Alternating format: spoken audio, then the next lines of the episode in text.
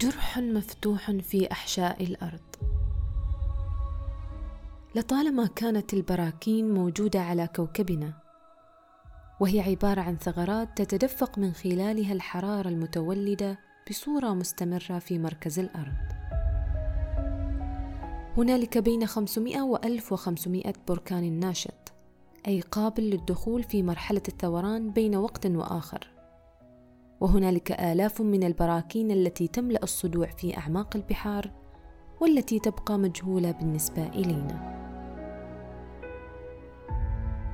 طبعت انفجارات بركانية متعددة التاريخ البشري بقوتها وبتأثيرها المدمر على الحياة، حتى إن بعضها دخل في عالم الأسطورة. ففي عام 1450 قبل الميلاد هز أحد أكبر الانفجارات البركانية المدمرة في التاريخ جزيرة ثيرا المعروفة اليوم باسم سنتوران في شمال كريت.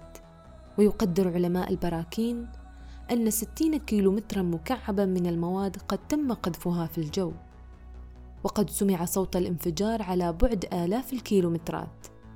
وهدم أبنية عدة في اليونان فيما غمر المد الشطآن المجاورة وأدى الانفجار في المحصلة إلى غرق القسم الأكبر من الجزيرة. ويفترض عالم زلزال يوناني أن يكون المقصود بذلك جزيرة أطلنطس الشهيرة. تتغير خصائص البراكين مع مرور الوقت. فعلى سبيل المثال يمكن لقمة بركان أن تطير من مكانها نتيجة لثوران قد يشطر البركان بالمعنى الحرفي للكلمة. وقد حدث الثوران الأقوى في التاريخ القريب في عام 1815 فقلص ارتفاع بركان تامبورا في إندونيسيا من 4000 متر إلى 2800 متر. ويمكن لتحولات مفاجئة أخرى أن تحدث. كتفريغ بحيرة من مائها أو ظهور وقتي لجزيرة وسط المحيط كجزيرة سيرتسي على سبيل المثال. ويمكن لعاملي التآكل ومرور الوقت أن يحول بركانا خامدا إلى جبل هادئ مخضر. فالطبيعة البركانية لجبال أوفرن في فرنسا لم تتم ملاحظتها إلا ابتداء من القرن الثامن عشر. على الرغم من الخطر الذي يمثله هذا الأمر فإن مئات الملايين من الناس يعيشون عند أقدام البراكين فالأرض هناك تتميز بخصوبة لا تضاهى وذلك بسبب غنى الرماد الذي يغطيها بالبوتاسيوم والفسفور والكالسيوم. فجاوا مثلا هي جزيرة بركانية في الأرخبيل الإندونيسي. تأوي 35 فوهة بركانية وتضم 880 نسمة في الكيلو متر مربع الواحد. في المواسم الجيدة يمكن أن يتم جني ثلاثة مواسم من الأرز في السنة الواحدة. وفي إيطاليا تعد الأراضي المحيطة ببركان أتينا الأكبر خصوبة في حوض البحر الأبيض المتوسط. ففي فصل الشتاء تنتج الحامض والليمون بكثرة وقد كسرت الكثافة السكانية فيها الرقم القياسي إذ بلغت 500 ألف نسمة يعيشون على الأراضي المحيطة بالبركان.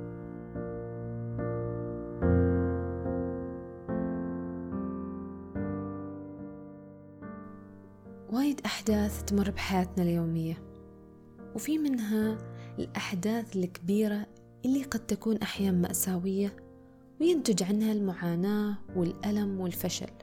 وغالب الناس اللي حولنا لما تصير لنا هذه الأحداث يوجهون لنا نصائح وكلمات مواساة ما المفترض إنها تقال. اعتادوا عليها وصاروا يرددونها بدون وعي وبكل المواقف. مثل الرجال ما يبكي. خليك قوي. لا تعطي الموضوع أكبر من حجمه. خلاص لا تتضايق وانسى الموضوع وكأنه ما صار. والبعض يرددها بنفسه لنفسه. أنا ليش أعبر عن حزني؟ أنا قوي وصبور. أنا ليش أغضب؟ هو صحيح الموضوع جدا يحتاج لكن لازم أكون طبيعي وأنسى اللي صار. إحنا واللي حولنا.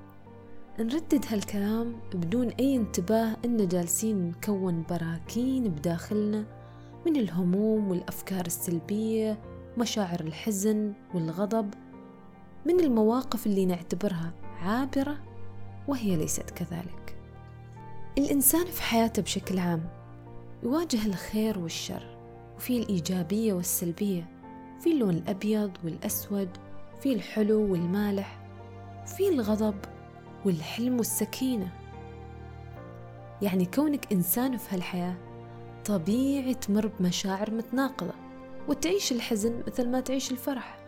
فطبيعي إنك تغضب وتتنرفز وتتضايق.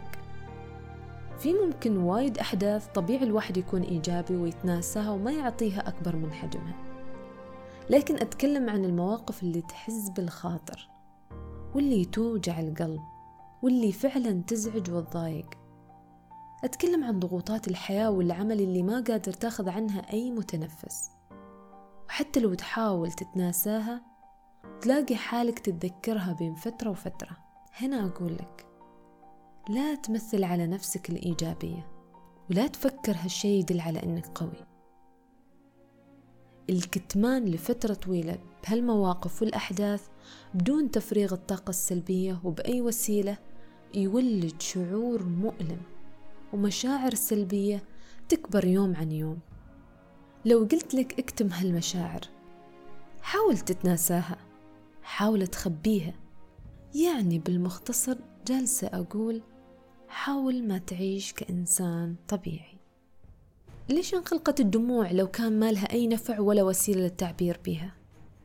ليش انخلقت الدموع للإنسان بشكل عام دون التمييز للذكر أو الأنثى؟ أغضب ضايق أحزن عبر عن مشاعرك لأنه خلق الإنسان وانخلقت هالمشاعر والأحاسيس معاه. وما هي طاقة سلبية لو تم التعبير عنها بشكل صح؟ ممكن تغضب بس ما يعني راح تغلط على الغير وتكسر وتصارخ. ممكن تعبر عن هالغضب بوسائل وطرق مختلفة. ممكن تفرغ طاقتك السلبية وبشكل صحي. مثلا ممكن تصارخ وأنت تلعب في الحديقة. وممكن تبكي وأنت تأخذ شاور بدون لا تنتبه لدموعك وتمسك بريائك.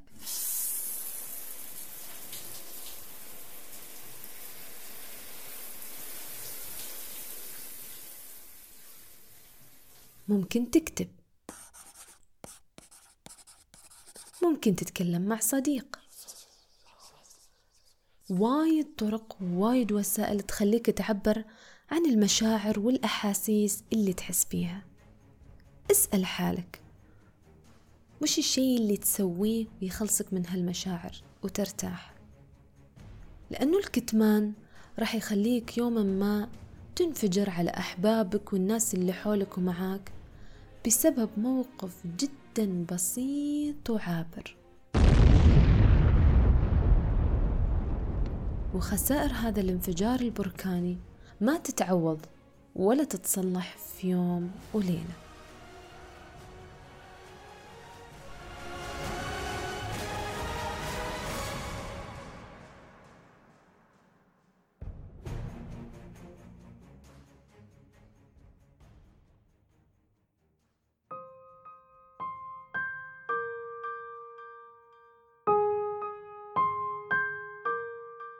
وضعوا ضفدعا في ماء على النار.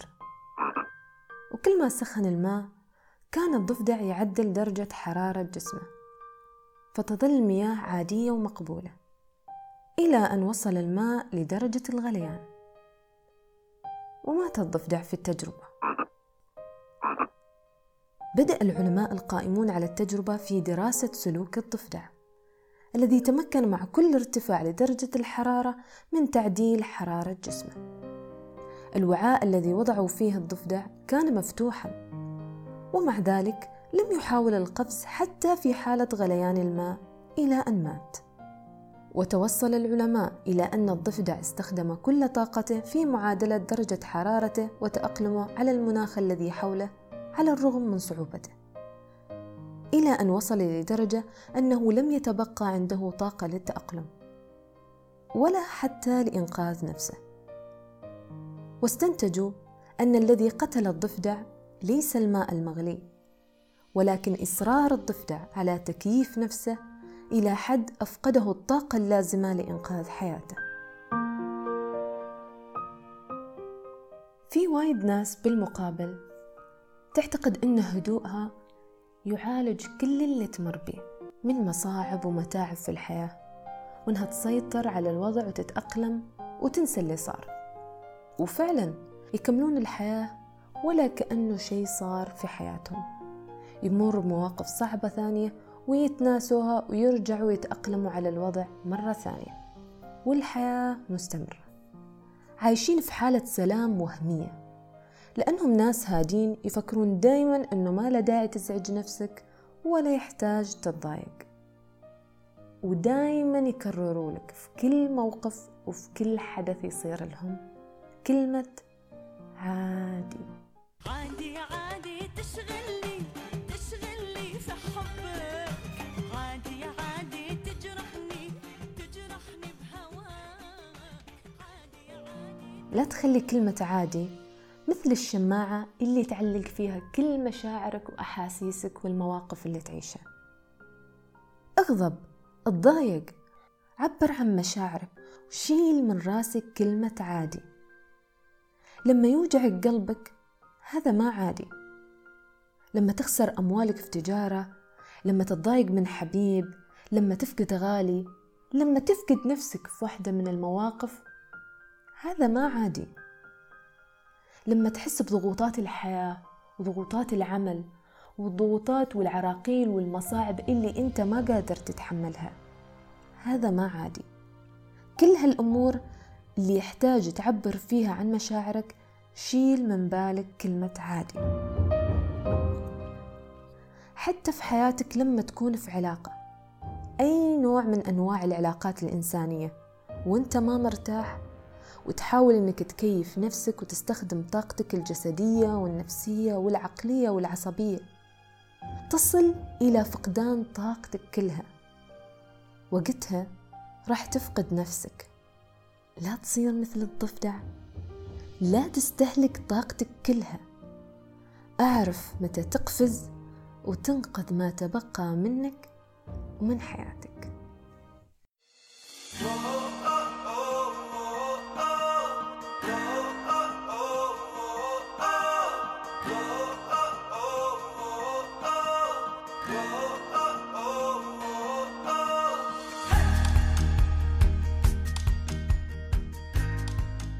كن معطاء حتى وإن أصبحت بركان.